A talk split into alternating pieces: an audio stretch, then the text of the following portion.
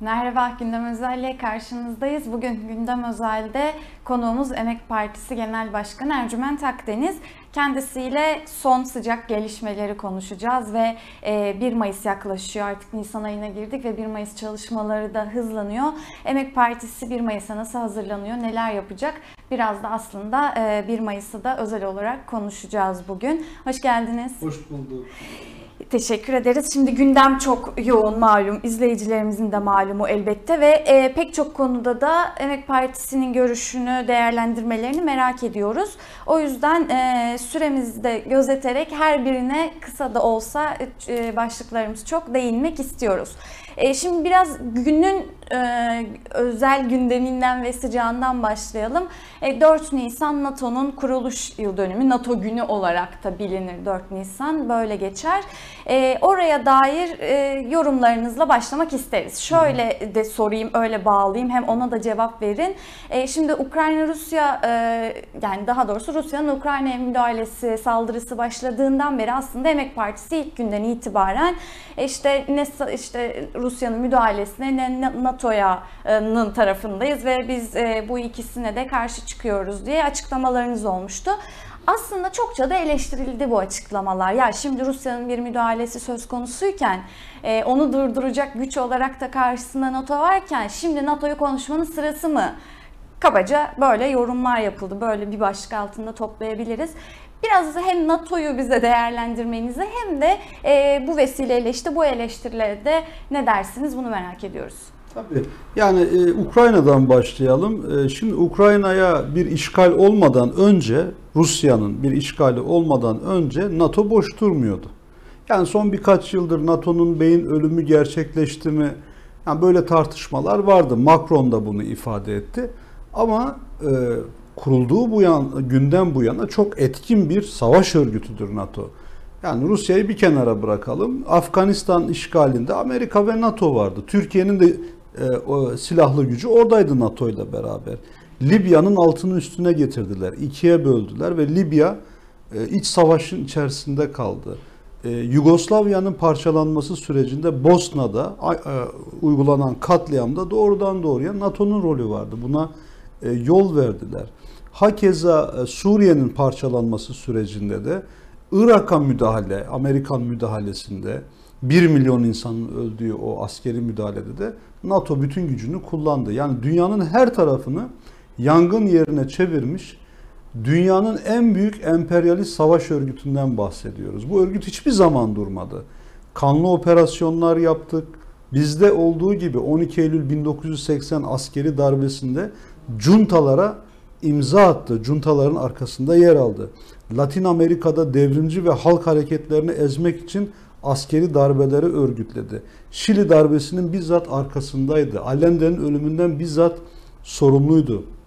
Türkiye'de darbeye giden süreçte yani 12 Eylül darbesine giden süreçte de birçok kanlı katliamda Gladio, kontur gerilla türü örgütlenmelerin mimarı NATO'dur. NATO'nun şefleridir.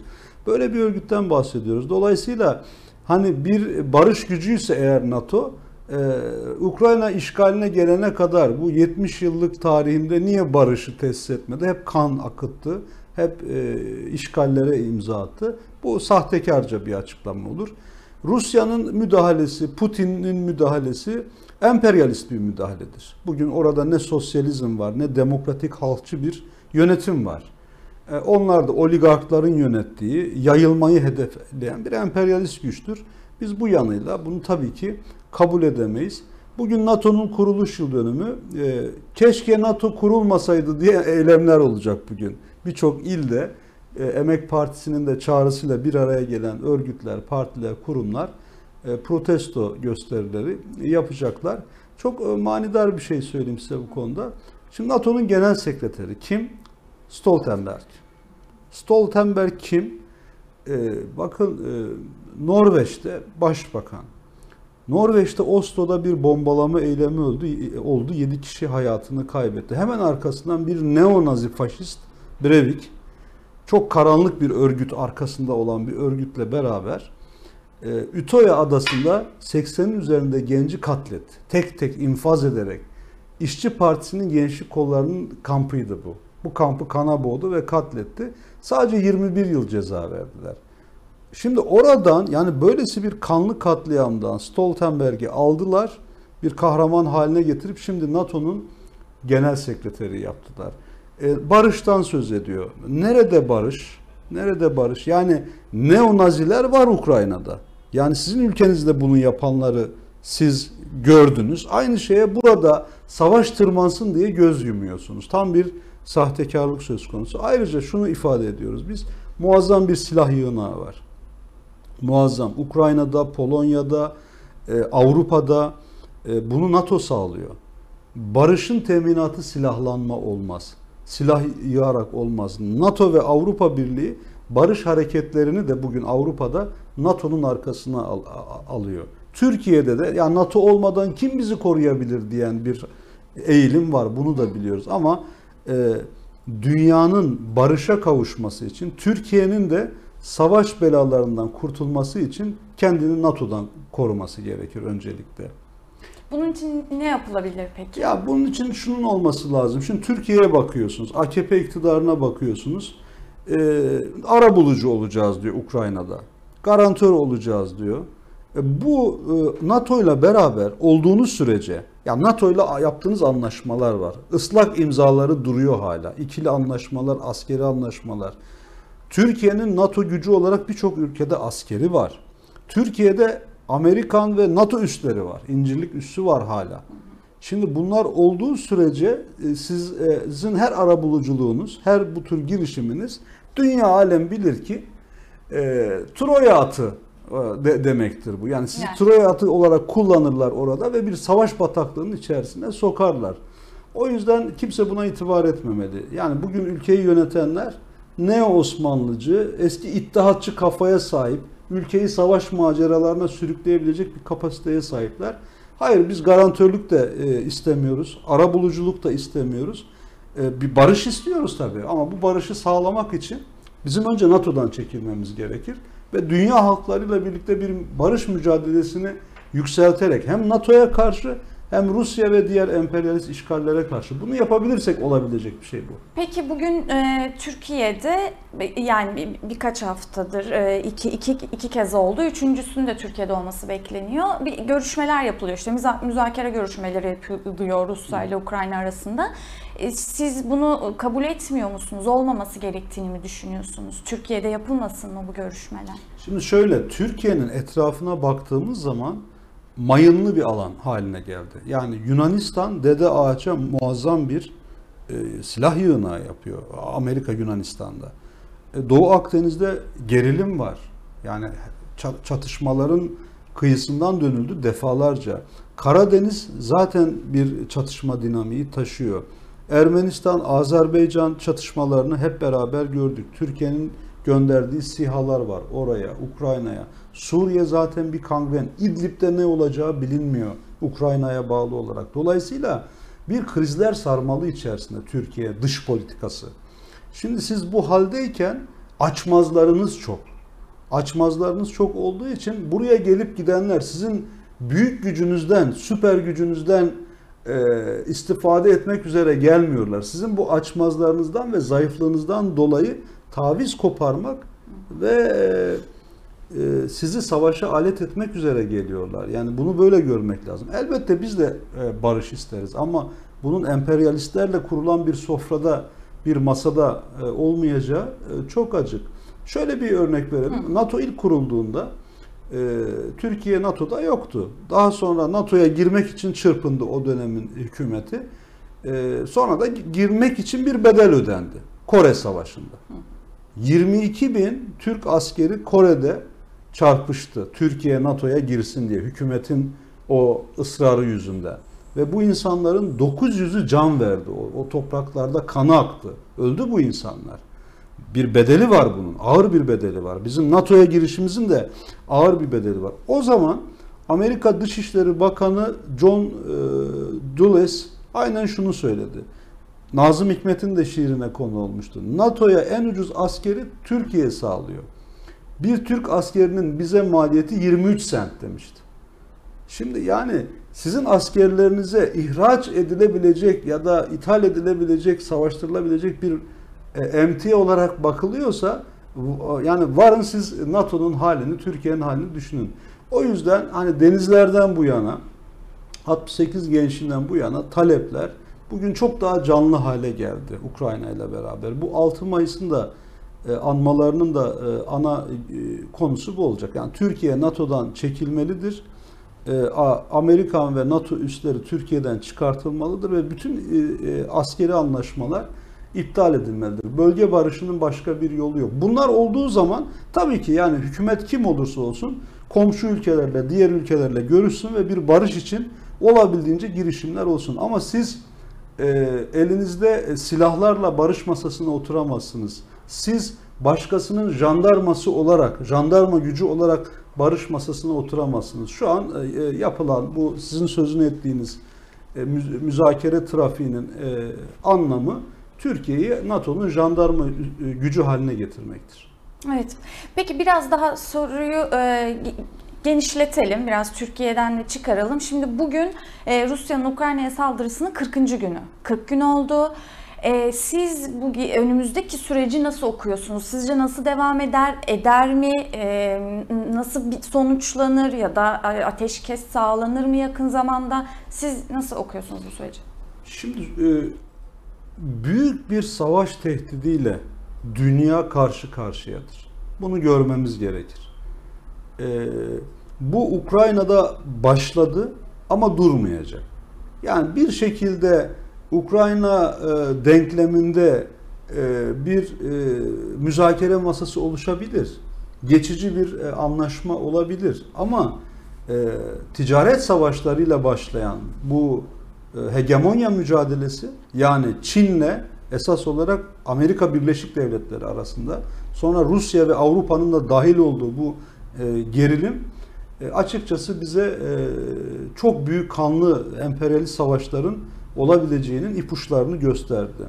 Böyle bir döneme girildi. Yani neden? Çünkü pandemi, pandemiden çıkarken ekonomik kriz nasıl aşılabilir? Kapitalist bir üretim yasasıyla aşılabilmesi mümkün değil. O zaman birinci e, emperyalist paylaşım savaşı ve ikinci büyük emperyalist paylaşım savaşında olduğu gibi toprak, e, pazar, e, ham madde alanları ve coğrafi öneme sahip stratejik bölgelerin yeniden paylaşımı üzerine bir silahlı mücadele önümüze gelecek. Bu kadar yoğun... Üçüncü Dünya Savaşı çıkar mı diyorsun? Çıkmaması için bir şey yok. Yani bu yani o senaryolar şöyle değil yani onlar da konuşuyor. İşte nükleer başlıklı e, silahlar bir kez atıldığında dünyanın sonu gelir kimse buna cesaret edemez. E bir anda bunu yapmazlar ki. Yani 2. Dünya Savaşı e, yaşandığında hatırlayalım. Savaşın sonunda e, kazanan kimdi? Büyük prestij sağlayan sosyalizm ve Kızıl Ordu'ydu. Ama o prestiji 2. Dünya Savaşı'nın bir aktörü olarak Amerika'da ortak olmak istedi ve Japonya'ya e, Hiroşima'ya e, ve Nagasaki'ye atom bombası attı. İki atom bombası mı vardı Amerika Birleşik Devletleri'nin elinde? Yani birçok yere daha bunu atabilecek güçleri vardı. Ama iki yere atarak o savaşın e, zaferinin bir ortağı olmaya çalıştılar. Bugün de nükleer başlıklı silahları bütün bölgelerde kullanmazlar. Bir bölgede kullanırlar. Bu mümkündür. Ya da nükleer e, silahlar elinizdedir ama onu kullanmadan baş, balistik füzelerle, başka silah güçleriyle onu denersiniz. Ee, büyük bir dünya savaşı yerine bölgesel bir savaşta tercih edebilirler. Yani bunun nasıl olabileceğini kestiremiyoruz. Ee, erteleyebilirler. Yani bu, çekişmeden erteleyebilirler. Bir nefes alıp yeniden güçlerini sınay, sınayabilirler. Ama e, tetiğe bir kez basıldığında onun nereye uzanacağını kimse kestiremez. Dolayısıyla e, Ukrayna ve arkasından gelebilecek süreç e, bütün dünyaya büyük bir emperyalist savaş tehdidi sürecidir. E, barış güçleri, emperyalist savaşa karşı olan işçi sınıfı, emekçiler, dünya halkları ve gençlik e, damgasını alanlara vurmadığı sürece bu tehdit her zaman halkların tepesinde olacaktır. Peki e, biraz da o zaman e, şimdi savaşın ve işte bu çatışmalı ortamın ülkeler arası bu gerginliklerin e, Türkiye'ye ekonomik olarak yansımasına da bakalım istiyoruz. E, şimdi elbette yapılan zamlarla e, vesaire işte e, ürün kıtlıklarıyla e, bunlar her birimiz kendi hayatımızda zaten yaşayıp gördüğümüz, deneyimlediğimiz meseleler. Biraz daha sizden tabii ki e, politik olarak bunu açmanızı istiyoruz. Yani ekonomik olarak etkiliyor Türkiye halklarını bu savaş elbette ama nasıl? Şöyle e, zaten e, Türkiye ve dünya e, bir pandemi süreci yaşıyordu. Bu pandemi sürecin ekonomik etkileri var. Yani burada e, garip bir biçimde ilaç tekerlerine muazzam bir kaynak aktarıldı. İlaç tekerleri zengin edildi ama milyarlarca insan hala aşıya, hala ilaçlara erişebilmiş değil. Ciddi bir çelişki var ortada. Şimdi aynı süreçte yine enteresan bir biçimde muazzam bir savaş e, ve sanayi savunmasına kaynak aktarımı var. Dünyadaki toplam silahlanmanın %70'i NATO ülkelerine ait. Böylesi yani bu ekonomik krize rağmen bunu yapıyorlar. Her defasında soruyoruz. Burada da soralım. Yani bir S-400 füzesiyle kaç okul yapılır? Bir F-35 savaş jetiyle e, kaç hastane yapılır? E, bunları düşünmüyorlar. Kapitalizm, emperyalizm böylesine vahşi bir sistem. E, bu krizi aşabilmek için savaş, savaşla birlikte e, satabilecekleri silahlar, yeni pazar alanları. E, kaygıları bu. Şimdi, Peki bir parantez tabii, şöyle tabii. soralım. O da çünkü e, böyle soruluyor. E, ülkelerin sonuçta kendilerini işte vatanlarını korumak için e, silaha ihtiyacı yok mu? Alınmayacak mı bu? E, şöyle e, e, emperyalist ülkeler silahlanmayı ve silah kaynağını ne için yaparlar? Yayılmak için yaparlar. Yani emperyalist ülkeler için soruyorsanız böyle bir ihtiyaç o halklar için yok. Tersi var. Yani emperyalist e, dış politikadan kurtulması lazım o halkların. E, geri kalmış, geri bağım, bağımlı ülkeler açısından da e, işbirlikçi hükümetler yani Amerika ile, NATO ile, Rusya ile, Çin ile işbirliği yapan hükümetler de e, sınırsız bir biçimde onların politikalarına eklenmemiş olarak silahlanmak zorunda hissediyorlar kendine. Ama dünyada yeni bir e, alan açılabilir.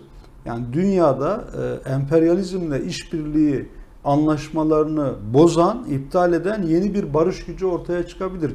Böylesi bir barış gücü ortaya çıktığında yani Türkiye ve benzer birlikte hareket edebileceği ülkeler örneğin çıktığında onların güvenliğe ihtiyacı olmayacak mı? Onların silahlanmaya ihtiyacı olmayacak mı? Elbette olacak. Elbette olacak. Ama sorun şudur. Sizin aldığınız füzeler çok basit bir örnek. S-400 füzelerini niye aldılar? Neden? Kaygı şuydu. Eğer ülkemize e, e, füze e, e, ya da başka türden saldırı, hava saldırısı olduğunda savunma sistemi olarak bunu aldık. Hı. Canım biz bölgeye bir şeyimiz yok dediler değil mi? E böyle bakınca makul. Yani elinizde böyle bir güç yoksa nasıl ülkeyi savunacaksınız? Dersiniz. Ama şu an ne oldu? NATO geldi. Türkiye dedi ki elinizdeki S-400'leri Ukrayna'ya verebilirsiniz dedi. Ukrayna'ya gönderebilirsiniz. O zaman siz NATO ile hareket ettiğiniz sürece ya da başka bir emperyalist blokla, siyasetle hareket ettiğiniz sürece elinizdeki silahlar ne kadar savunmak için alırsanız alın aslında o gücün askeri operasyonlarının silahları haline dönüşüyorlar. Yani Afganistan ve Libya'daki, Irak'taki Irak'ta biliyorsunuz 1 Mayıs 1 Mart tezkeresi e, nedeniyle Türkiye girmedi. O savaşa dahil olmadı. O çok önemliydi. Ama onun dışında Afganistan'da, e, Bosna'da ve Libya'da bu savaşın ortağı oldu. Yani aldığınız silahlar sadece ülkeyi savunma silahları olmaktan çıkartılıyor. NATO'nun e, askeri gücü haline geliyor. Bunu sorgulamak lazım. Kendimizi korumak için evet yani bir güvenlik sorunumuz var. Bunu sağlayabiliriz. Ama bu başka ülkelere saldırının, emperyalist politikanın e, aracı haline geliyorsa burada bir sorun var. Ayrıca şu, yani güvenlik açısından hangisi daha maliyetli? Bir de öyle düşünelim. Yani savaşın bir maliyeti var. Yani Rusya'nın en son yaptığı askeri operasyonu şu ana kadar 20-25 milyar dolar civarında olduğu söyleniyor. Muazzam bir maliyet. Türkiye'de yani e, 2022 bütçesinin çok önemli bir kalemi. 260 milyar civarında sanıyorum. E, şeye gitti, silahlanmaya gitti. Komşu ülkelerle, dünya halklarıyla barış siyasetini örgütlediğiniz zaman yani Suriye'de başınız belada, Akdeniz'de başınız belada, her yerde e, didişmişsiniz, her yerde ben bu ben de bu savaşa ortak olacağım demişsiniz. Maliyetiniz artmış. Bu maliyetin ülkeye getirdiği bir yıkım var. E, bunun yerine barış politikalarını e, uygulasanız, bu güvenliğin de sigortası ve daha e, az maliyeti olan bir sigorta. Peki e, zamların yani hem ekonomideki e, bu çöküşün hem işte e, elbette vatandaşa da zam olarak yansımasının pandemi dediğiniz, savaş dediğiniz bu iki neden mi sadece? Ekonomik kriz. Tabii yani şöyle söyleyelim. Yani Türkiye ekonomisi e, sanayide e, çok ciddi bir gerileme yaşamış değil. Yani belirli bir e, etkilenme var ama cayır cayır fabrikalar üretiyor. Şu an sanayi sektörü üretiyor. Bu kötü bir şey değil o zaman. Ee, şöyle e, kötü e, yani siz e, pandemide ölümüne çalıştırdınız işçileri. E, pandemiyi nasıl kullandılar Türkiye burjuvazisi ve bu hükümet? Şöyle kullandı. E, dünyada az çok belirli bir sosyal güvencesi var işçi sınıfının. Türkiye'de ama ben bunu yok edebilirim. Türkiye'yi bir Bangladeş ya da Çin gibi e, emek e, hakları bakımından çok geriye indirebilirim ve bunu sağlayabilirsem dünyada rekabet gücü haline gelirim. Buradan hareket ettiler ve çok büyük kazandılar gerçekten. Pandeminin kazananı oldu Türkiye burjuvazisi. Ama bu da belirli bir noktada artık e, şey evresinde, durulma evresinde gitmiyor. E, Çünkü e, ekonomide Üretim ve üretimde dışa lazım. bağımlısınız. Dışa bağımlısınız. Yani iç dinamikleriniz yok. Teknolojiden diğer meselelere kadar. Bunun da e, bir sınırı var. Ama e, özellikle ülke kaynakları, e, emperyalistlerle yapılan anlaşmalar sonucunda tarıma konan kotalar, anlaşmalar neticesinde birçok alanın tohumda, mazotta, gübrede zaten ambargo yemiş olması, şirketlere açılması neyi sağladı? Yani Türkiye bağışıklık sistemini kaybetti ekonomide. Ve pandemi çıkınca ekonomi çöktü. E, özellikle finans sektöründe. E, İkinci konu neydi? Savaş olgusu gelince aynı şey yaşandı. Zaten ayçiçek yağı kuyruklarında da bunu gördük. Yani bir zamanların e, siz e, değil mi daha iyi bilirsiniz hocam e, Edirne ayçiçek e, tarlaları Evet. cennetiydi. Şimdi betondan geçilmiyor. E, Ayçiçek yağı e, ithal et- etmek için kuyruğa giriyorsunuz. Gemileri bekliyorsunuz. Konya tahıl deposuydu. Çukurova e, pamuk e, diyarıydı.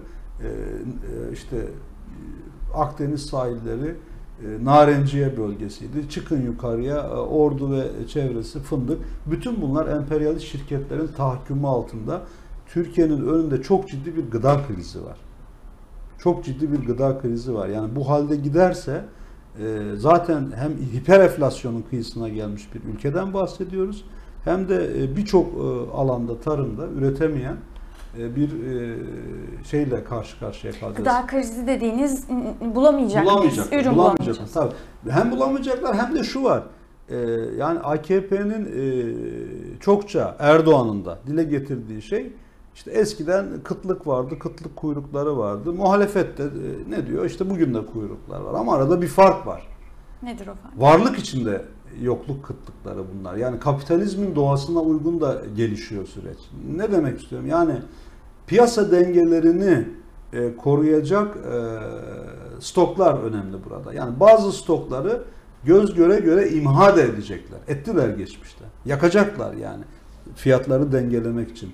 E, varlık içinde yokluktan kastımız bu. Yani siz gidiyorsunuz örneğin e, bir gün e, çocuk bezi bulamıyorsunuz raflarda yok. İkinci gün ayçiçek yağını bulamıyorsunuz. Üçüncü gün patates bulamıyorsunuz. Bütün bunlar var aslında. Ambarlarda saklı ya da e, başka yerlerde saklı ya da imha ediliyor fiyat dengelerini e, sağlamak için. İki yönü var. Yani bir dışa bağımlılık, yeterince üretememekten kaynaklanan bir yokluk. İkincisi varlık içinde yokluk. E, Belki bir üçüncüsünü ekleyebiliriz. Rafta da görürsünüz ama cebinizde para yok. Alamıyorsunuz. Yani böylesi bir kıtlık sürecine doğru gidiyor. E, Biz önümüzdeki süreci şöyle görüyoruz. Bu savaşın e, etkilerine de bağlı olarak e, ekonomik krizle beraber yüksek faiz, yüksek enflasyon, döviz kuru bunlar devam edecek. Yani kur korumalı TL mevduat sistemi çözüm olmadı, olmayacak. Yani işte faizi aslında düşür şey yükseltmiyoruz. Faize karşı mücadele ediyoruz Evet. deniyor ama o faizin bütün farkı yine halktan çıkartılıyor. Aslında yine çok e, büyük bir faiz sistemi işliyor şu an. Bankalardan alınan, alınan faiz miktarları ortada. E, Dolayısıyla e, bu büyük bir işsizliğe doğru gidiyor. Ekonomi ve Maliye Bakanı Nebati'nin açıklamalarına bakınca da yani o stratejiye bakınca da şimdi ona bir ko- konuşma yasağı da konmuş gibi Öyle görünüyor. diyorlar evet. Ya gözlerimizdeki ışık dedikçe halkın gözünde sönen ferler akla geliyor çünkü. Ama onun o stratejiye bakınca e, temel e, yaklaşım şudur. E, uluslararası sermayeye güven vermek, Hı hı. tekerlere güven vermek, krediler, teşvikler, e, hazinenin daha çok çökertilmesi bunu da göze alıyorlar. E, bunun e, mutlak karşılığı şu olacak. Yüksek işsizlik, e, ücretlerde erime devam edecek. Zam yağmuru e, katlanarak e, devam edecek. Bu e, sosyal patlama dinamiklerini harekete geçirecek. Yani grevler, gösteriler, direnişler kaçınılmaz hale gelecek. Peki e, tam or öyle bağlayalım o zaman. Zamlara karşı çeşitli e, il ve ilçelerde e, eylemler, basın açıklamaları yapılıyor. Takip ediyoruz bunları. E, Emek Partisi olarak da yapıyorsunuz. Çeşitli bileşenlerle beraber de yapıyorsunuz. E, devam edecek mi zamlara karşı eylemler E, ya da nasıl eylem yani zamlara karşı ne yapmayı düşünüyorsunuz diye soralım daha doğrusu. Şöyle, şimdi bizim e, Ocak ayına kadar yaptığımız bir kampanya vardı. Yani vergide adalet, insanca yaşayacak bir e, asgari ücret ve zamların geri alınması. Zamlara hayır diyen bir kampanya yürüttük. Bu kampanyayı yaparken yani şöyle itirazlar duyduk. Yani ya bu hükümet zamları çeker mi gerçekten yaptığı zammı? Bu çok gerçekçi bir talep mi acaba? Ya da e, işte asgari ücrete ek zam talep ettik. Asgari ücret belirlendikten sonra. Ya ne zaman görülmüş canım? Aa, Ek zam mı yapar dendi. Bütün bunlar oldu. Yani asgari ücrete ek zam da yapıldı. Elektrikte ve başka kalemlerde e, motorinde, gazda indirimler oldu. E, Geri çekeceğiz, yeni fiyat düzenlemeleri yapacağız dediler. E, bunları yaptılar. Çünkü çok yüksek oranlar. Çok yüksek. İnsanların ödediği elektrik faturaları kirayı geçmiş durumda. Yani büyük şehirler e, belki de trafik sorununu en az yaşadığı dönemi e, içerisindeler. Niye? Çünkü araçlar trafiğe çıkamıyor. Bu halde bir durum var. E, ve insanlar patladı. Yani Bursa'da, İzmir'de, İstanbul'da, e, Yüksekova'da, daha birçok bölgede e, elektrik zamlarına karşı muazzam kitle gösteriler oldu. Kendiliğinden kimse de işin başında değildi birçok kentte. E, Bunlar bir geri adım attırdı. Yani bunu söyleyebiliriz. Yine e, biz e, güçlü bir işçi hareketi geliyor diye öngörmüştük. Ocak ayından itibaren yani Ocak zamları belirlendi işçi ücretlerine. E, Şimdi neye göre Ocak zammı yapacaksınız? Asgari ücret belirlendi 4200 lira. Müjde müjde çok yüksek. Birçok fabrikadaki anlaşmalar üzerine çıktı bu asgari ücret oranı. Dolayısıyla işçiler en az o kadar istiyoruz. Üstüne bu kadar istiyoruz dediler haklı olarak ve Türkiye'de 120'nin üzerinde fabrika ve iş yerinde direnişler, grevler oldu. Bunların çoğunda sendika yok ilginç bir biçimde. Ama bunların büyük bölümü başardı. Bu ek zammı kazandı, aldı, bu hakkı aldı. Bu domino etkisi yaratıyor. E başka fabrikalar o zaman biz de e, istiyoruz canım, biz de eylemler yapacağız demeye başladılar. E, Nisan ayı ve Mayıs ayı kritik aylardır. Çünkü toplu sözleşmelerde ikinci 6 aylık dilimler var şu an. Şimdi işçiler başladılar, başlayacaklar. E biz yeniden düzenleme istiyoruz. Toplu sözleşmede bağıtlanan ücretler yetmiyor artık. Şimdi bu da bir şey tetikleyecek. Ama Cumhurbaşkanı Erdoğan adeta kapıyı kapattı. Bunun tartışılacağı zaman asgari ücrete ek e, zam talebi sorulduğunda Aralık ayıdır dedi. Şimdi onu göreceğiz. Onu göreceğiz. Çünkü metalde, e, tekstilde sözleşmeler var. Cam yeni imzaladı ama ne olacağına bakacağız.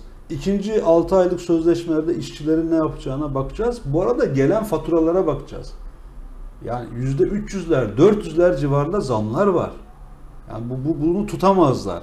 Ayrıca karşımızda popülist bir şef var. Ne Erdoğan'dan sö- söz ediyoruz. Yani şu Maliye Bakanı orada askı gibi duruyor.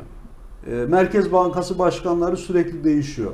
Tek karar verici var. Saraydaki e, muktedir. Yani o ne derse o olacak. İşte Erdoğan Şefaat da da ona- Aralık ayında dedi. Şefaat de ondan gelecek, e, zamlar da ondan gelecek. Dolayısıyla şu an e, bu e, zamların geri alınması, iyileştirilmesi, bazı düzenlemeleri de belki bir baskın ve erken seçim o- içinde kullanmak üzere sürekli cepte tutacaklar. Yani bugün hayır canım biz aralığa bıraktık derler, yarın o zammı yapabilirler. Bu işçi ve emekçilerin göstereceği tepkinin düzeyine bağlı. Tıpkı Ocak aylarında olduğu gibi. Yani Nisan ve Mayıs aylarında güçlü bir e, e, emek rüzgarı dalgası görürlerse ki burada temel belirleyen e, konu 1 Mayıs'tır. 1 Mayıs'ı herkes bekliyor şu an. İktidar da bekliyor. Orada verilecek güç ve mesaja göre bu düzenlemeleri ya yapacaklar ya da daha ağır bir faturayı önümüze koyacaklar. Yani şöyle maddelersek Emek Partisi'nin e, zamlara karşı söylediği zamlar geri alınsın, e, asgari ücrete ek zam yapılsın. Böyle maddeleyebilir miyiz Tabii bunları? işçi ücretleri de yeniden düzenlensin ve e, işçi ücretlerine ek zam mutlaka yapılsın. Bir de yani temel kalemlerde e, kesinlikle e, zamların geri çekilmesi lazım. Yapılan zamların geri çekilmesi lazım. KDV oranıyla açıklanan hani temel tüketim maddelerinde %8'lik indirim de yeterli değil. Yani bunun e, birçok kalemde sıfırlanması gerekiyor. Yani bebek bezinden niye siz vergi alıyorsunuz? Yani sütten niye alıyorsunuz? Utanmıyor musunuz? Yani hiç mi vicdan yok? Ya insanlar, yaşlılar, bakıma muhtaçlar üşüyor, kombisini açamıyor. Niye oradan vergi alıyorsunuz? Ekmekten niye al? Yani bunlar olacak işler değil. Bunların sıfırlanması lazım. Ayrıca şu çok önemli. E, Bir işçi, asgari ücretli bir işçinin e, 10 kalemde vergi alıyorsunuz sırtından. Maaş bordrosunun neredeyse dörtte birine denk geliyor. Sıfırlayın onu. Sıfırlayın bu ekonomik kriz koşullarında asgari ücretliden nasıl vergi alırsınız? Brütünü alamıyor, cebine girmiyor o para. O zaman e, büyük sermaye e, kuruluşlarını, çevrelerini, patronlarını ve finans baronlarını dörtte bir oranında bir vergilendirin bakalım ne oluyor. Yani gelirinin dörtte birini bu devlete bağışlasın, hazineye bağışlasın. Bağış da değil yani vergi olarak versin. E buyurun size kalem. E, burada bir sınıfsal tercih var. E, sermayeye ve e, büyük tekellere hizmet etmeyi, kıyak e, geçmeyi e, destur edilmiş bir iktidarla karşı karşıyayız. Bu emek düşmanı bir e, politikaya sahip. Peki e, kamu emekçileri ve özellikle emekli ayrılıklarına dair ne öneriyorsunuz? E, şimdi tabii o konuda da e, talepler belli. Yani çok somut. E, biz söylüyoruz. Bir kere kamu emekçilerinin toplu sözleşme hakkı olması gerekiyor. Ama bunu yapabilmesi için grev hakkının olması gerekiyor. Yani toplu iş sözleşmesi, toplu görüşme yapabilirsiniz. E son sözü işte biz söyleriz, size veririz. Siz de bunu kabul edersiniz. Niye? Çünkü grev hakkınız yok. Bunun bir manası yok. Grev hakkının verilmesi gerekiyor. Sağlık emekçilerinin e, grevleri çok önde görünüyor şu dönemde biliyorsunuz. Oraya baktığımız zaman da talepler çok açık net. Yani e, korkunç bir durumla karşı karşıyayız. E, yıllardır merdiven altı üretimlerin olduğu sanayi bölgelerinde, e, yerlerinde çalışmalar yürütüyoruz. Gördüğümüz şuydu yani göçmen işçileri yerli işçilerin e, ücretleri düşsün diye kullandılar rekabet gücü olarak. Şimdi kamuda, e, hastanelerde kullanıyorlar. Asistan hekimler yabancıysa eğer asgari ücret civarında ücretle öteki yerli e, asistanların üzerinde baskı unsuru olarak kullanılıyor. Yani şunu anlatmak istiyoruz. Ülkeyi bir asgari ücretliler ülkesi haline getirdiler ve bu asgari bu buna beyaz yakalılar da tabi. Yani işçilerle memurlar ya da kamu emekçileri arasında ücret skalası artık neredeyse kalmadı. E, yurt dışına kaçışın, emek kaçışının bir nedeni de bu. E, bununla beraber e, asgari ücreti de açlık sınırının altına düşürdüler. Yani açlık sınırının altında şu an Türk İş'in rakamlarına göre. E, bunu reddetmek üzere işçisiyle memuruyla e, hiç ayrım yapmadan topyekun bir mücadele lazım. Bugün hareketin temel sorunu zaten bu. Yani lokal ayrı ayrı patlamalı şekilde oluyor. Yani bir bakıyorsunuz e, Antep'ten İstanbul'a, Edirne'ye kadar grevler, direnişler, bir işçi dalgası. E, Ama öteki kesimler yani sendikalı ve daha büyük iş kolları, stratejik öneme sahip fabrikalar izliyor. E şimdi onlar durdu. Bu sefer kamu emekçileri, hastanelerde sağlık emekçileri başlıyor. Sorun hepsinin bir araya gelip topyekün bir e, tavrı göstermesi. Peki onu soralım. Neden bir araya gelinemiyor? Aynı zamanda e, tam e, bıraktığınız yerden o konuya da geçebiliriz. İşte e, siz de söylediğiniz 120'den fazla e, fabrikada e, direniş oldu, eylem oldu. Pek çoğunda da e, işçilerin kazanımıyla da aslında e, sonuçlandı diyebiliriz. E, peki ama neden sönümlendi? Siz o süreci nasıl okudunuz? Ee, yani biz sönümlenmeyi şöyle e, değerlendiriyoruz. Yani bu e, işçi dalgasının e, ilk e, ayak sesleri bunlar. Bunun arkası gelecektir. Sönümlenmedi diyorsunuz yani. Elbette sönümlendi. Yani şey olarak yani en formel sektörde ortaya çıkan bu direnişler e, birinci 6 aylık e, Ocak zamları itibariyle bir e, önemli oranda haklarını elde ettiler, ücret artışını geri çekildiler. Şimdi bekliyorlar. Nereye kadar? Eriyecek o ücretler yine ikinci 6 ay ya da yılbaşını bekleyebilirlerse bekleyecekler. Yeniden patlayacak bu. Ya da dayanamayacaklar yılbaşından önce patlayacak. O anlamda yani henüz daha e, bir gözleme e, süreci yaşıyoruz o açıdan. Ama e, sorunuz önemli bir sorudur. Yani e, bunun birkaç parametresi var. Bir tanesi şu. Bir kere e, çok ciddi bir sendika bürokrasisiyle karşı karşıyayız ve engelliyor. Engelliyor sendika bürokrasi. Niye? Şimdi Ocak e, ayı zamları belirleniyor. Patlayan Sendikaların eylemleri engellediğini mi söylüyorsunuz? sendika bürokrasinin e, doğrudan bu eylemleri engellediğini söylüyoruz. Şimdi açık söyleyelim, buradan da ifade edelim. Türk İş bugüne ka- kadar bir sürü hükümeti devirdi. Yani ANAP iktidarını devirdi işçi eylemleriyle. 5 Nisan kararlarından sonra Çiller hükümetini gönderdi. DSP, MHP ANAP koalisyonunu gönderdi. Yani birçok işçi eylemi yaparak gönderdiler. Öyle yazar kası attı biri hükümette öyle bir şey yok. Grevlerle, direnişlerle, büyük işçi mitingleriyle, yürüyüşleriyle gitti bu iktidar ve bunun e, ana gücü Türk e, bünyesinde örgütlü olan işçilerdi. Elbette diğer sendikalarında e, beraber yaptığı eylemler vardı. Diskin, hatta Hak İş'in. Türk şu an hareket etmiyor. Niye? Niye? Niye hareket etmiyor? Ee, yani bunun e, sorgulanması lazım. Şu an e, bu hükümetin e, politikalarını mahkum edecek, püskürtecek, hakları alacak yegane güç, örgütlü ana güç Türk İş'in elinde. Yani Türk İş'in bünyesinde örgütlü olduğu sendikalı iş yerlerinde. Orayı bloke ediyor.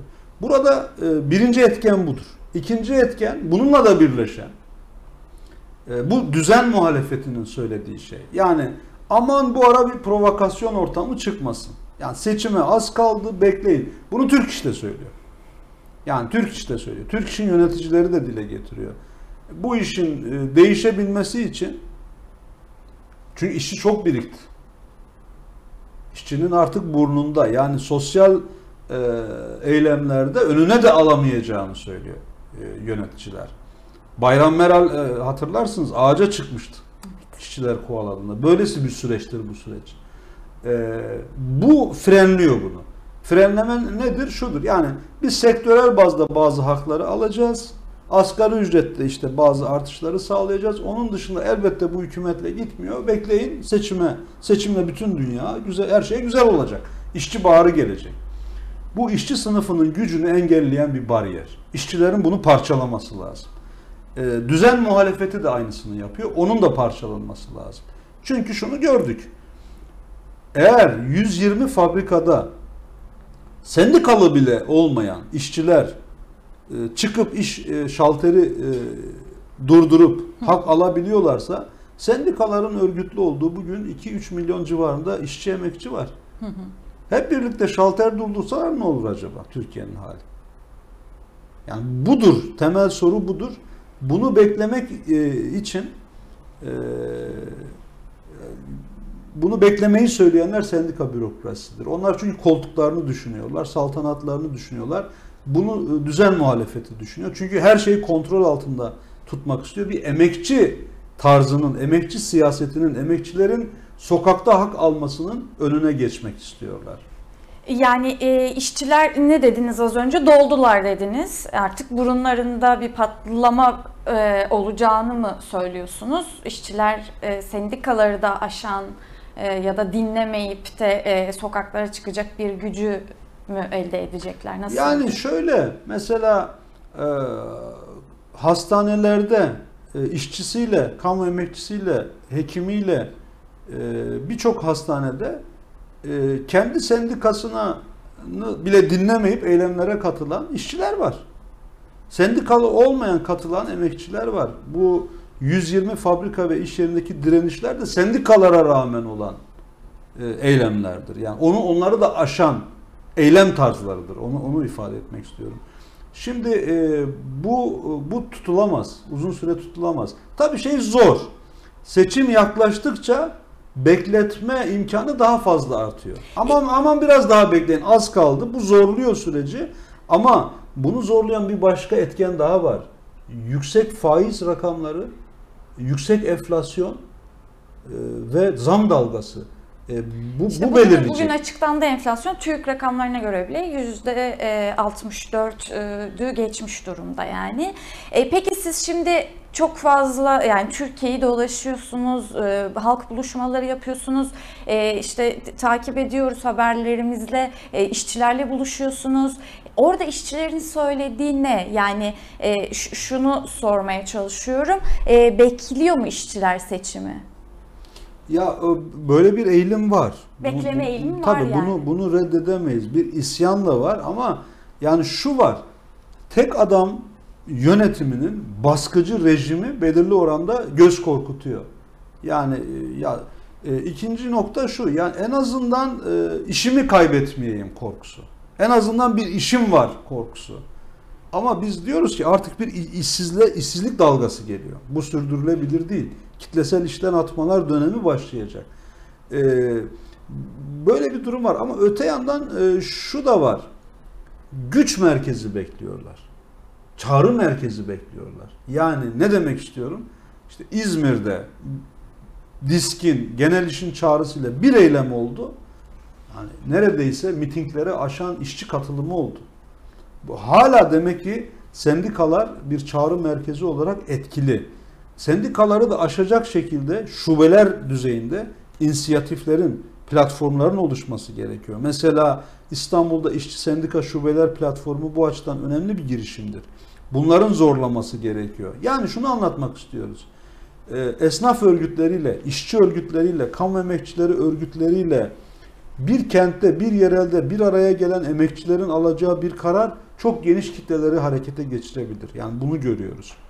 Ee, ya da bir iş yerinde, bir iş kolunda farklı sendikalardan ya da sendikalara üye olmayan insanlar bir araya gelip bir komite kurduklarında, bir çağrı merkezi oluşturduklarında, e, bir mekanizma oluşturduklarında güçlü eylemler olabiliyor. Bunun sağlanması Emek Partisi gerekiyor. böyle bir çağrı yapmaz mı? Yapıyoruz tabii. Bunu örgütlüyoruz. Örgütlediğimiz yerler de var. Bakın daha yeni e, Balıkesir'de e, üretici köylü mitingi yaptık hep beraber.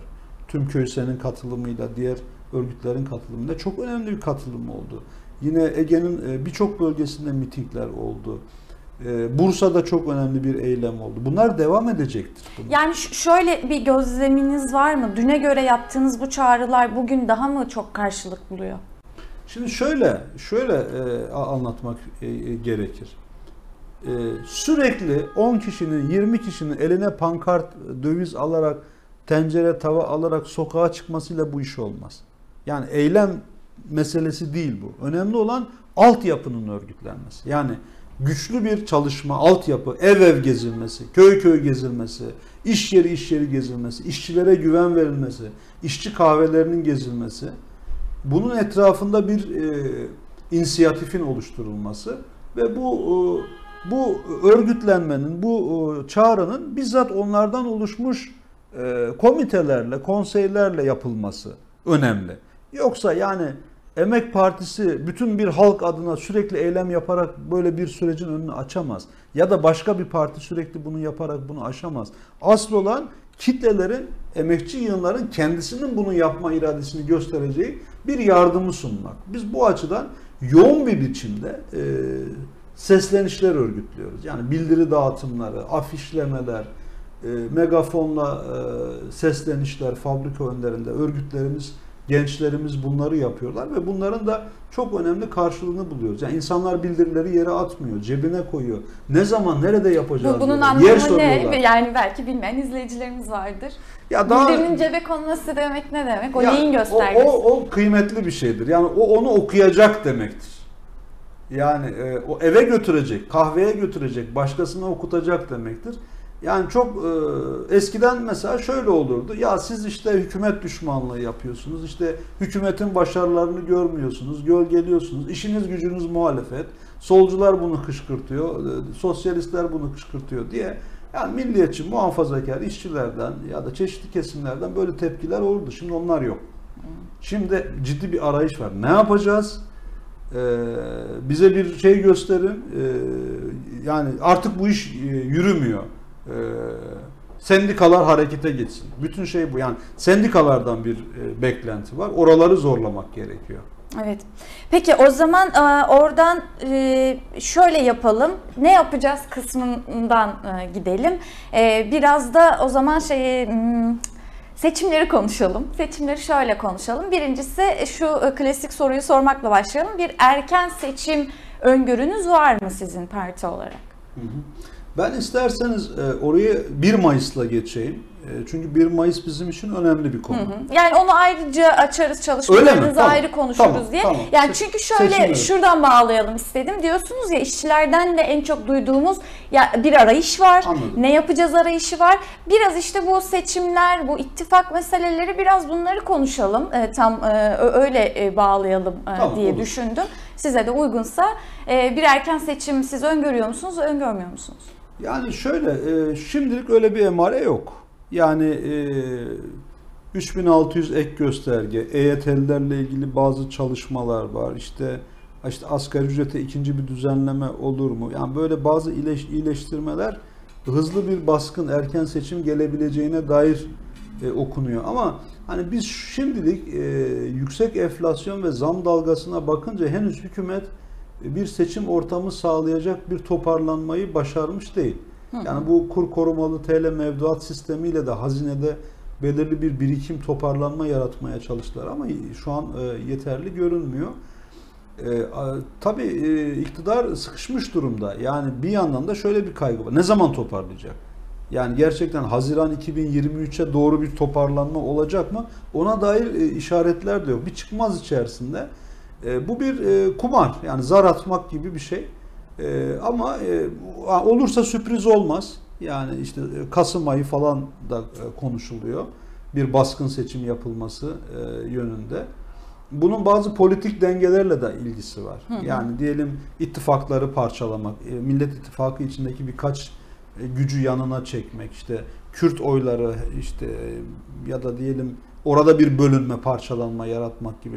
Yani böylesi e, bir denklem oluşursa ve peş peşe gelen e, iyileştirmelerle hızlı bir popülist e, iyileştirme reçetesiyle yani Kasım, Aralık'ta böyle bir baskın seçim de olabilir ama sürpriz olmaz biz- bizim için. Ama bizim öngörülerimiz şu an itibariyle Haziran 2023'te e, yapılacağı yönünde. Yani biraz daha nefes almak, baskıları arttırmak, ülkeyi olağanüstü hal koşullarında seçime götürerek ancak çıkabilirler bu süreçten. Çıkabilirlerse eğer. Dolayısıyla bunu şu an 2-3 ayda yapabilirler gibi görünmüyor. Peki seçim yasası e, yeni gelen seçim yasası kanunlaştı artık meclisten geçti zaten. E, on- Ona dair neler söylersiniz? Şimdi e, yeni seçim kanunu neden çalışıldı? Çünkü bunların yapmaya çalıştığı şey e, geçmiş seçimlerde yaptıklarının bir benzeri. Yani 2 milyon e, mühürsüz oyu geçerli saydılar. Al sana seçim hilesi. E, Başka ne yaptılar? İşte 31 Mart e, Büyükşehir e, seçimlerinde İstanbul seçimini ya ben saymıyorum dediler. Yeniden yaptırdılar. Yani bunları yaşadık. Yani bunlar seçim miydi? Nasıl seçimlerdi? E, Başka ne yaptılar? Ata alan Üsküdar'ı geçti dediler yani. Bitti o o o e, dediler. Şimdi bunlardan bir tanesi bu yeniden yeni bir atı alan Üsküdar'ı geçti seçim yasasıdır. Yani kusura bakmayın e, geç kaldınız. Bu seçim geçti yasasıdır. Nasıl? Şöyle. Şimdi birincisi e, ba- e, başkan e, Cumhurbaşkanlığı forsunu kullanarak ve devletin bütün imkanlarını e, kullanarak halkla yarışacak. Yani bir yanda tek adam, diğer yanda halk. Böyle bir şeyle karşı karşıya kalacağız. İkinci konu e, şimdi burada e, seçim yasakları başkan için geçerli olmayacak. E, tam bir eşitsiz ortam var.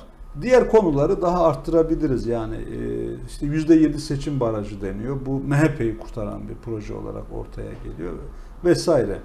E, şimdi bize ama işin özü şudur bize göre. Teknik detaylardan öte işçi ve emekçilerin siyaset yapmasının, seçme hakkından ve seçilme hakkından yararlanmasının olabildiğince engellendiği e, düzenlemelerle gidiyor iktidar. 20 yıldır böyle son yıllarda arttırdılar ve şu an e, en dibi gördük biz şu an. Bu ne demek? Bu şu demektir. E, Bir olağanüstü hal atmosferi yaratarak seçime girmek. Yani şimdi kıdemli hakimler yok. Sandık seçim kurulları nasıl olacak? Bu bir ola, olağanüstü hal durumudur. De facto olarak böyledir. E, müşahitler meselesinde bir partinin diğer partiye müşahit vermesini engellemeniz mesela bölgedeki sandıklar ve sandık denetimi ne olacak sorusunu akla getiriyor. Birçok yerde silahların gölgesinde geçmişte oylar sayıldı. Bunlar de facto olarak zaten psikolojik olarak da bir OHAL e, döneminin e, içerisinde seçim sürecinin örgütlenmesidir. E, Bunu görelim. Dolayısıyla bu seçim zor bir seçim olacak. Yani biz güç zehirlenmesi içerisinde değiliz. Birçok partinin yaptığı gibi işte gidecekler, ilk seçimde gidecekler, ne yaparlarsa yapsınlar gidecekler. Yani böyle değil olay. Daha da zorlaşmıştır. Buradan çıkarılacak ders e, daha fazla birleşmek. Sandık güvenliği, seçim güvenliği ve ittifaklar konusunda. Yani artık e, sol e, sosyalist ittifak ısrarından vazgeçmek gerekir. En geniş halk e, ittifak gücünü oluşturmak gerekir. Başka türlü geçemezsiniz bu bariyeri. Türkiye çıkamaz bu tünelden. E, ya da O ben- zaman e, e, ne, ne yapacaksınız? Yani e, C, Millet İttifakı'yla hep beraber Millet İttifakı çatısı altında mı toplanırsınız Yok hayır söylediğimiz yani? şey o değil. Yani biz hala aynı yerdeyiz. Ee, e, Cumhurbaşkanlığı hükümet sistemi kadar güçlendirilmiş parlamenter sistemde restorasyoncu, uluslararası sermayeye e, hizmet eden, halkı yok sayan e, bir sistem. Zaten altılı e, mutabakat metninde de biz ne yani Kürtleri görmedik, işçileri görmedik, İstanbul Sözleşmesi'ni görmedik, kadınlar bir şey yok. Yani halka dayanan bir şey yok. E, O yanıyla orayla bizim e, ilkeler temelinde Türkiye'nin çıkışını yansıtan e, sermaye karşı bir program oluşturmuş bir ittifak kurmamız mümkün olamaz yani. Davutoğlu'yla, Babacan'la, Akşener'le, Karamollaoğlu'yla nereye yürüyeceğiz yani? Böyle bir ittifak söz konusu bile olamaz. Ama seçim sandık güvenliğinin sağlanması için çok geniş bir alan yaratılabilir. Adil seçim platformu ile beraber. Ee, başkanlık e, seçiminde özellikle yani e, ikinci turda ciddi bir hamle yapılabilir tek adamın gönderilmesi için. Ama her koşulda biz e, devrimci demokratik bir halk seçeneğini yaratacağız. Yani bizim söylediğimiz şey buraya dair problemlerdir. Yani biz bunu oluşturmaya çalışırken iki blok dışında yani hala e, birlikte görüştüğümüz, konuştuğumuz partiler içerisinde üç tane çok ciddi e, sıkıntı görüyoruz. Nedir? Yani bir tanesi şudur. E, ısrarla sol sosyalist bir birlik kuralım. Bu sefer böyle olsun diyen bir yaklaşım var. E, bugünün ihtiyacı bu değil. Yani sol sosyalistler bir arada olabilirler ama bir seçim ittifakı, mü- mücadele ittifakı e, kurarak kendilerini halkın yerine geçiremezler.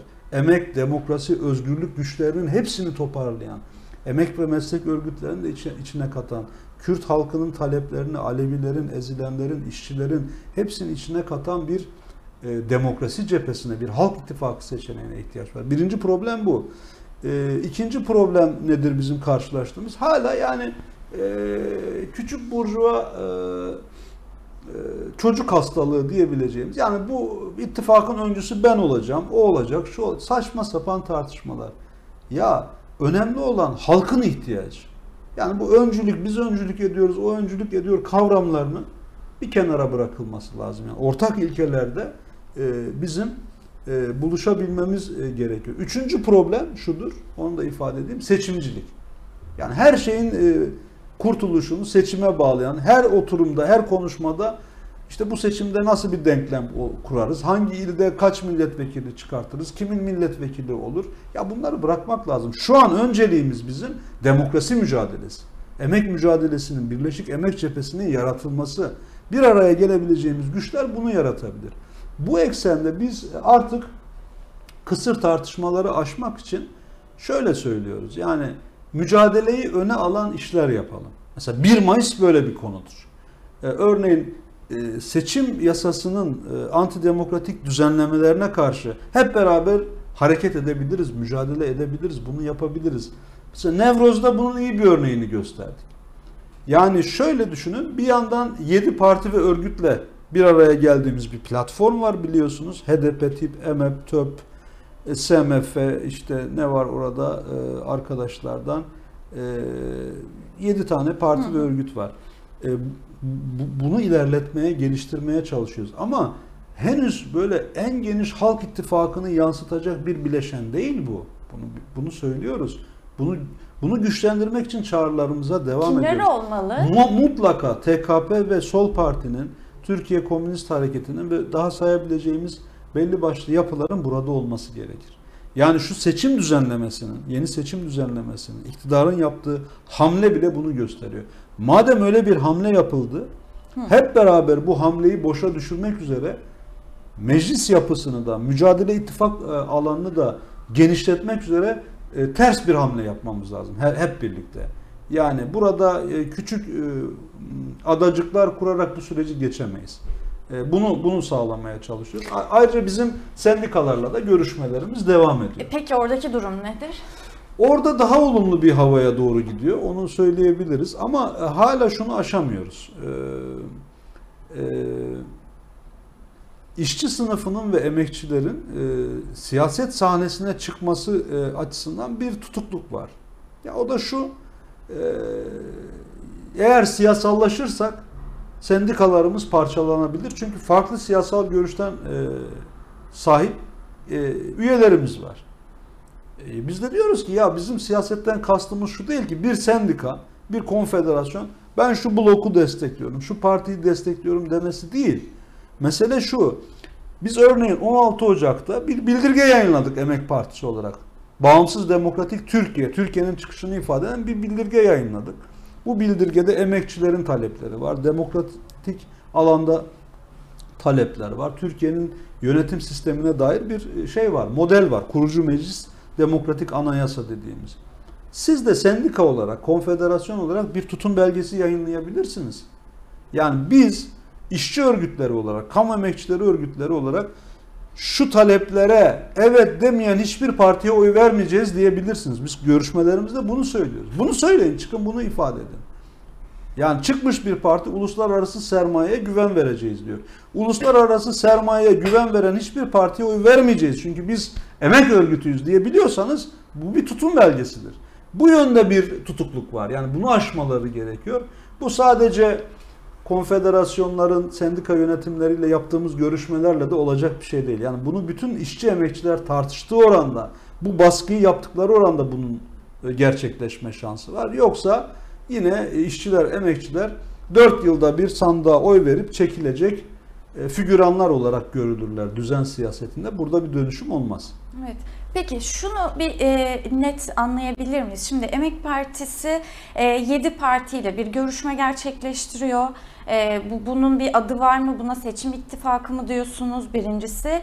İkincisi e, TKP ve Sol Parti ile bir görüşmesi var orada kurulan bir ittifak diyebiliyor muyuz buna?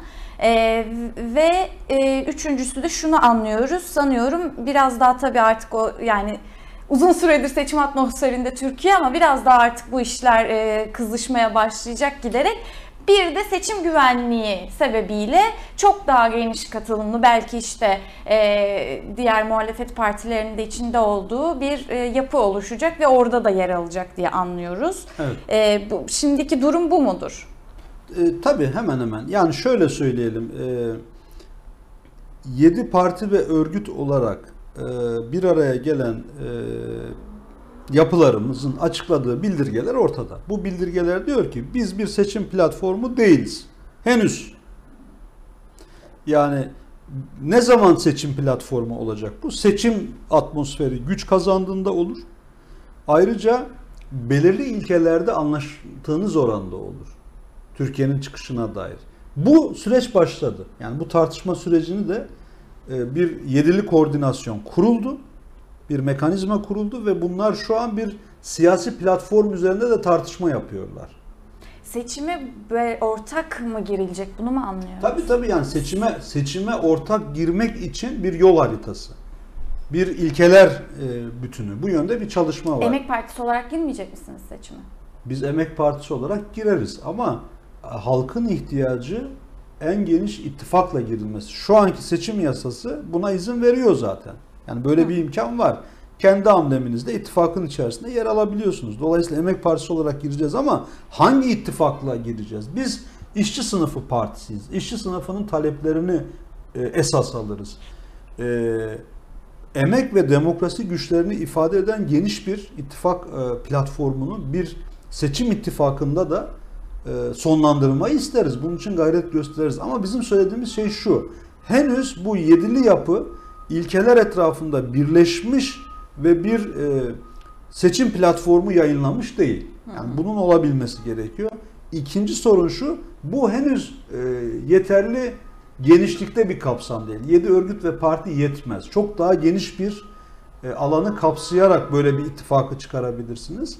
TKP ve sol bunun bir ayağıdır ama başka bir sürü e, bir yığın e, sendika, parti, örgüt, e, çevre e, var. Yani onları da katmak üzere bir çalışma sürecinin de başlaması gerekiyor. Peki e, TKP ve Sol Parti ile yaptığınız görüşmeler neden?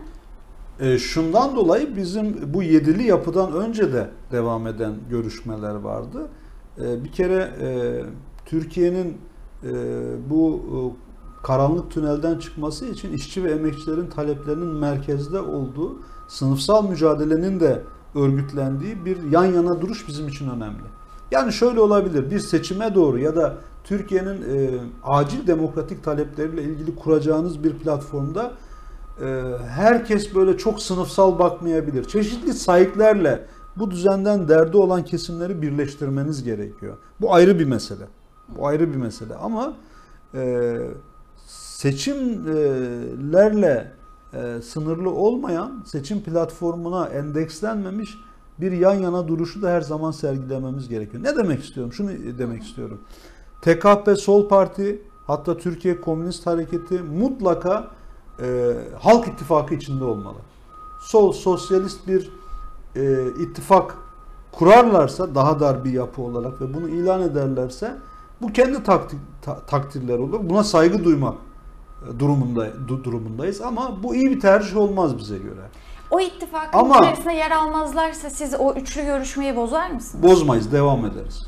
Devam ederiz. Çünkü şöyle yani e, işte geçtiğimiz günlerde de mesela TKP'li gençler ve e, emek gençliği beraber zamlara karşı İstanbul'da gösteri yaptılar. Esenyurt'ta benzer e, bir şey oldu. Bunları devam ettireceğiz. Yani yan yana geliş, mücadele, mücadelenin örgütlenmesi bunlara devam etmemiz gerekiyor. Bunların bazıları üçlü olacak, bazıları yedili ve üçlünün içerisinde bazı örgütlerin yan yana gelmesiyle olacak. 1 Mayıs'larda ve- başka yerlerde çok daha geniş birlikler biçiminde olacak. E, dolayısıyla e, seçimlerde ayrı düşmek ki böyle bir şey hiç arzu etmiyoruz. e, yan yana mücadeleyi zedelememeli. Herkes buna dikkat etmeli. Dünya seçimden ibaret değil. Seçimden sonra da Türkiye'nin büyük sorunları var. Muhtemelen erken seçim başka sorunlar da olacaktır. Bu yan yana gelişi devam ettirmek üzere e, çalışmalarımızı sürdüreceğiz. Peki e, o zaman şimdi 1 Mayıs'a geçelim. E, 1 Mayıs'a dair çalışmalarınız başladı mı? Birinci sorumuz bu olsun. İkincisi e, 1 Mayıs'ın e, elbette en geniş e, anlamda e, sizce bu yıl e, en öne çıkan talebi ne olacak? E, ve sizin 1 Mayıs'a giderkenki talepleriniz işçilere dair e, işçilere ulaştığınızda e, çağrılarınızda yer alan talepleriniz neler? E, temel talep geçim derdi. Kime dokunsanız bu. Yani zamlar, ücretlerin hali, çocukların geleceği bu. Temel e, mesele bu. E, çok lafı uzatmaya, dağıtmaya da gerek yok çalışma yaparken. Yani şu önemli. E, bütün işçiler fabrikalarda, iş yerlerinde, halkımız, yoksul insanlar şunu görecekler, şunu bilecekler. E, hep beraber ses çıkarttık. Birçok yerde eylemler oldu, gösteriler oldu, isyanımız oldu, tepkimiz oldu ama şimdi bunların hepsini birleştirip bir gövde halinde bir güç gösterisi yapma zamanı. Bu bezirganlara, bu soygunculara, bu talancılara karşı yeter artık dememiz için bir fırsat önümüzde 1 Mayıs. Yani e, İstanbul başta olmak üzere Türkiye'nin birçok kentinde yüz binlerce insan alanlara inerse iktidara bir sarı kart meydanlardan verilirse güçlü bir biçimde e, bu e, zam dalgasını durdurmak, bunları püskürtmek mümkün. Bu bunu e, enselerinde hissetmeleri lazım bu gücü. Ayrıca şu var. Seçimleri kim alırsa alsın. Tek adam da alsa yeniden. Dünyanın sonu değil, milat değil. Bu gücü siz sokaklarda, meydanlarda, fabrikalarda sağlarsanız bu baskıyla e, şeye devam edersiniz. Hak mücadelesine. Velev ki Millet İttifakı aldı seçimleri. E diyecekler bize bir 5 yıl verin, bir 10 yıl daha verin. Anca toparlarız. Uygulayacakları program belli. Kemal Derviş programı. Benzeri program. Kemer sıkma programı. Çok yoğun bir biçimde. E buna karşı mücadele için de sizin şimdiden alanlarda birleşmeye ve bu gücü göstermeye ihtiyacınız var. O dolayısıyla şu an 1 Mayıs e, çok büyük önem taşıyor. Çok büyük önem taşıyor. Bunun uluslararası bir karakteri de var. Çünkü uluslararası işçi sınıfının birlik mücadele dayanışma günü. Bütün dünyada e, emekçiler ayağa kalkacaklar. Çünkü ana e, eksen şu. Pandemi, pandeminin bütün yükü işçi sınıfına. E güzel. E, çıktık oradan ekonomi, ekonomik kriz bütün yük işçi sınıfının sırtına. Girdik savaş Ukrayna, oradan çıkıyorsun savaşın bütün faturası yine işçi sınıfının sırtına. E, o zaman buna karşı şunu bilelim. Sadece Türkiye'deki işçiler, emekçiler etkilenmiyor. Bütün dünya etkileniyor. Herkes çıkacak. Bu yıl çok görkemli gösterilere aday o açıdan. Yani e, uzak Asya'dan Amerika'ya kadar gösteriler e, öyle olacaktır. Türkiye en güçlü olabilecek e, ülkelerden bir tanesi. Bunu hem uluslararası kapitalizme göstermemiz lazım tekellere. Çünkü tek merkezden yönetiliyor. Bir ahtapotun kolları gibi bütün bu uygulamalar. Hem de Türkiye'de sermaye iktidarına ve AKP iktidarına bunu göstermemiz gerekiyor. Peki ne olacak gösterince? Yani 1 Mayıs'ın güçlü geçmesi demek ne demek? Yani iktidarlar alanlara bakarlar. Alanların gücüne bakarlar. Eğer alanlar zayıf olursa hele hele e, zam dalgasının bu kadar yoğun olduğu, halkın bu kadar yoksullaştığı bir yerde e, e, ya sanmayın ki iktidar sahipleri rahat uyuyorlar. Yani bu rahat uyumama vicdanla ilgili değil, korkuyla ilgili. O yüzden alanlarda bir güç e, gö- görüldüğü zaman e, biz sadece 1 Mayıs'ta bir meydandaki güçten bahsetmiyoruz. Bizim söylediğimiz şey şu. 1 Mayıs haftası yapalım. Sendikalara önerimiz de bu oldu. Yani 1, 1 Mayıs'a gelene kadar bir hafta boyunca fabrika fabrika e, eylemler olsun. Fabrikalarda olsun. İş yerlerinde, sanayi bölgelerinde bir hafta sonra 1 Mayıs günü bütün o fabrikalar, sanayi bölgeleri, emekçi mahalleleri gelsin, buluşsunlar, hastaneler vesaire. Bu güçlendirecek bir şey olur Tabii, diyorsunuz. tabii. Çünkü bir- yani 1 Mayıs'ın şöyle bir anlamı e, var. 2022 yılında Türkiye'de e, Arife gününe denk geliyor. Sonrasında uzun bir tatil söz konusu. E, Bu e, olumsuz etkileyebilir. E, dolayısıyla ya tabii ki insanlar benzin parası bulabilecek mi? Yani uçak bileti parası bulabilecek mi? O da ayrı bir dert. E, çoluk çocuğunu alıp memleketine gidip tatil yapabilecekler mi? Bu da ayrı bir dert. Ama iş yerlerinin kapalı olduğu bir günden söz ediyoruz. Dolayısıyla ona gelene kadar 1 Mayıs'ı bir günle sınırlı görmeyelim. Fabrika ve iş yerleri temelinde bir hafta boyunca çok güçlü eylemler, kutlamalar, taleplerin dile geldiği etkinlikler yapalım. Bunun akabinde bunu e, bunun daha da güçlendireceğini düşünüyoruz. Böyle bir e, öneriyi sendikalara da yaptık ve makul görüldü bu. Peki 1 Mayıs 1 Mayıs sloganınız var mı? Bu seneki sloganınız nedir? Tabii yani biz genel yönetim kurulu toplantımızı da yaptık, tartıştık bunu. İki slogan belirledik. Zamlara, yoksulluğa ve savaşa karşı birlik, mücadele, dayanışma. Çünkü şu an birliğe çok ihtiyaç var. işçilerin, emekçilerin, halkın. E, mücadeleyi yükseltmeye ihtiyacı var. Dayanışmaya ihtiyacı var. Bu zor süreçte ancak dayanışmayla çıkılabilir. Bu 1 Mayıs'ın da uluslararası bir sloganı. Her zamankinden çok böyle e, ete kemiğe bürünen slogan oldu. İkincisi de sömürü ve savaşa karşı. Çünkü e, pandemide yeni sömürü stratejileri icat ettiler. Yani beyaz yakalıları köle gibi çalıştırıyorlar evlerden adeta. E, hem bu sömürüye, yoğun sömürüye karşı e, hem de e, bu emperyalist savaş tehdidine karşı Ukrayna başta olmak üzere dünya halklarıyla beraber savaşa karşı barışın sesini yükseltmek 1 Mayıs'larda ama bu barış da tabi NATO'ya Avrupa Birliği'ne yedeklenen bir barış değil. Bütün bu paktları reddeden, e, halkların kardeşliğini esas alan bir barış olacak. 1 Mayıs'ın e, böyle bir anlamı da var bizim için. Evet. Bir yanda aslında e, konuşmanın e, başlarında söylemiştiniz ama bir daha duyalım. E, 6 Mayıs'ı da e, sormadan geçmeyelim. E, bu sene 6 Mayıs'ın işte savaş sebebiyle de e, güçlü geçeceğini düşünüyor musunuz? Tabii. Şimdi şöyle eğer 1 Mayıs çok güçlü geçerse e, bu e, bizim için NATO'ya, emperyalizme karşı da bir mesaj olacak. 6 Mayıs 1972'de denizler e, idam edilerek katledilmişlerdi. Her yıl geleneksel olarak gençlik e, e, gösterilerle, yürüyüşlerle, anma etkinlikleriyle e, onların e, ideallerini yaşatmaya e, çalışıyor. Bu yılın anlamı bu. Yani NATO işte bu. Yani sadece 60'lı yılların bir problemi değil. Bugünün dünyasının bir problemi. E, şunu anlatmak istiyorum. Yani 1 Mayıs'ta bir araya gelen milyonlar, yüz binler NATO'ya hayır dediklerinde de biz altısında denizleri almış olacağız. Sadece 6 Mayıs günü değil. Hı hı. E, birbirleriyle içsel bir bağ var. Bu arada şunu ifade etmek istiyorum. Bu yıl 2022'de ihtiyaç olan şey yaygın ve kitlesel bir Mayıslardır.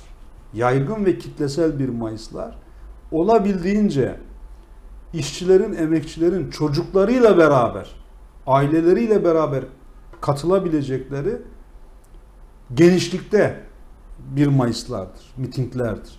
Bunun sağlanması gerekir. Bütün işçiler bunu söylüyor. Yani biz alanlara çıkmak istiyoruz.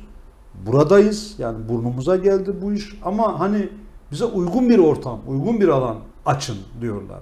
Şimdi bu çerçevede 1 e, Mayıs'ı alan tartışmalarına, Taksim gibi alan fetişizmiyle boğmamak gerekiyor. Bu konuda sendikalarla görüştük. Özellikle uyardık. Taksim'in anlamı bellidir. 1977'de katledilen işçileri yine anacağız hep beraber. Ama bunun e, bir miting illa Taksim'de yapılsın ısrarıyla boğuntuya getirilmemesi lazım. Çünkü şu oluyor. Yani Taksim olacak mı, olmayacak mı? Nisan ortasına kadar, Nisan sonuna kadar bu tartışmalarla oyalanırsak işçi emekçileri toparlayarak alanlara getirme şansını kaybederiz. E, bu buna kesinlikle e, izin veremeyiz. Eğer sendika konfederasyonları bu konuda titrek davranırlarsa şubelerle bu mitingleri yaparız açık söyleyelim hep beraber. Oradan da bir inisiyatif çıkmazsa emek partisi olarak çıkar açarız bu alanı. Bu mitingleri yaparız. Buradan bir kez daha e, bunu ifade etmiş olalım. Görüşmelerimizin de daha olumlu olduğunu söylemek istiyorum. Yani bu çerçevede gördüğümüz kadarıyla konfederasyonlarda da Az çok böyle bir hassasiyet oluşmuş durumda. Geniş olabildiğince yaygın 1 Mayıs'la. Aldığımız e, duyumlar Türk işin e, işte geçmiş yıllarda pandemi var 1 Mayıs'ı atlayalım dediler. E, hak işin ya da bir ilde yapalım. Yani bütün herkesi bir ile toplayalım. E, bu yerel 1 Mayıs'ları da zayıflatan kaçkıncı bir e, yaklaşımdı açık söyleyelim. Şimdi bu yıl işte e, Arife gününe denk gelmesi vesilesiyle yapmayalım. Hani yerelleri serbest bırakalım. Bu doğru bir tutum değil. Bugünkü e, ekonomik darboğazda insanların geçim derdini en yüksek seviyede hissettiği bir dönemde sendikaların e, kesinlikle çağrı yapması gerekirdi. Her yerde güçlü bir Mayıslara ortak diz kes hak bütün sendikalar beraber örgütlemesi e, yönünde. O zaman inisiyatifi alması gereken şubeler sendika şubeleri şu saatten sonra e, sendika ayrımı yapmadan bütün illerde İstanbul başta olmak üzere e, miting tertip komiteleri beraber ol- oluşturulmalı. Bu, bunları güçlü sağlarsak 6 Mayıs'ın da önü açılacaktır. 50. yılı işte mahirlerin e, katledilmesiyle başlayan anmalar oldu.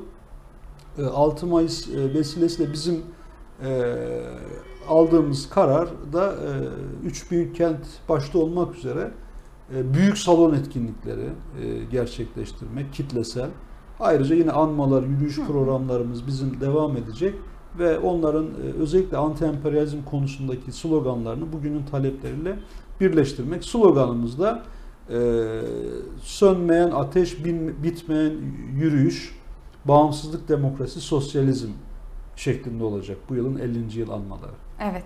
Ee, süreç yaklaştıkça yine konuşacağız elbette. Ee, şunu da hemen kısaca e, hatı, duyurmuş da olalım. Sizden de duyalım. 16 Nisan'da bir emek sempozyumu e, yapacak e, Emek Partisi. Bu emek sempozyumu nedir, nasıl olacak, nerede olacak? Onları da sizden alırsak. E şöyle yani biz e, e, bu 120 grev ve direniş nasıl yaşandı? Nasıl ortaya çıktı Ocak ayından sonra? Yani bu işçiler nereye gitti? Ne yapıyorlar? Nasıl değerlendirdiler bu süreci? E, bu e, unutulmamalı.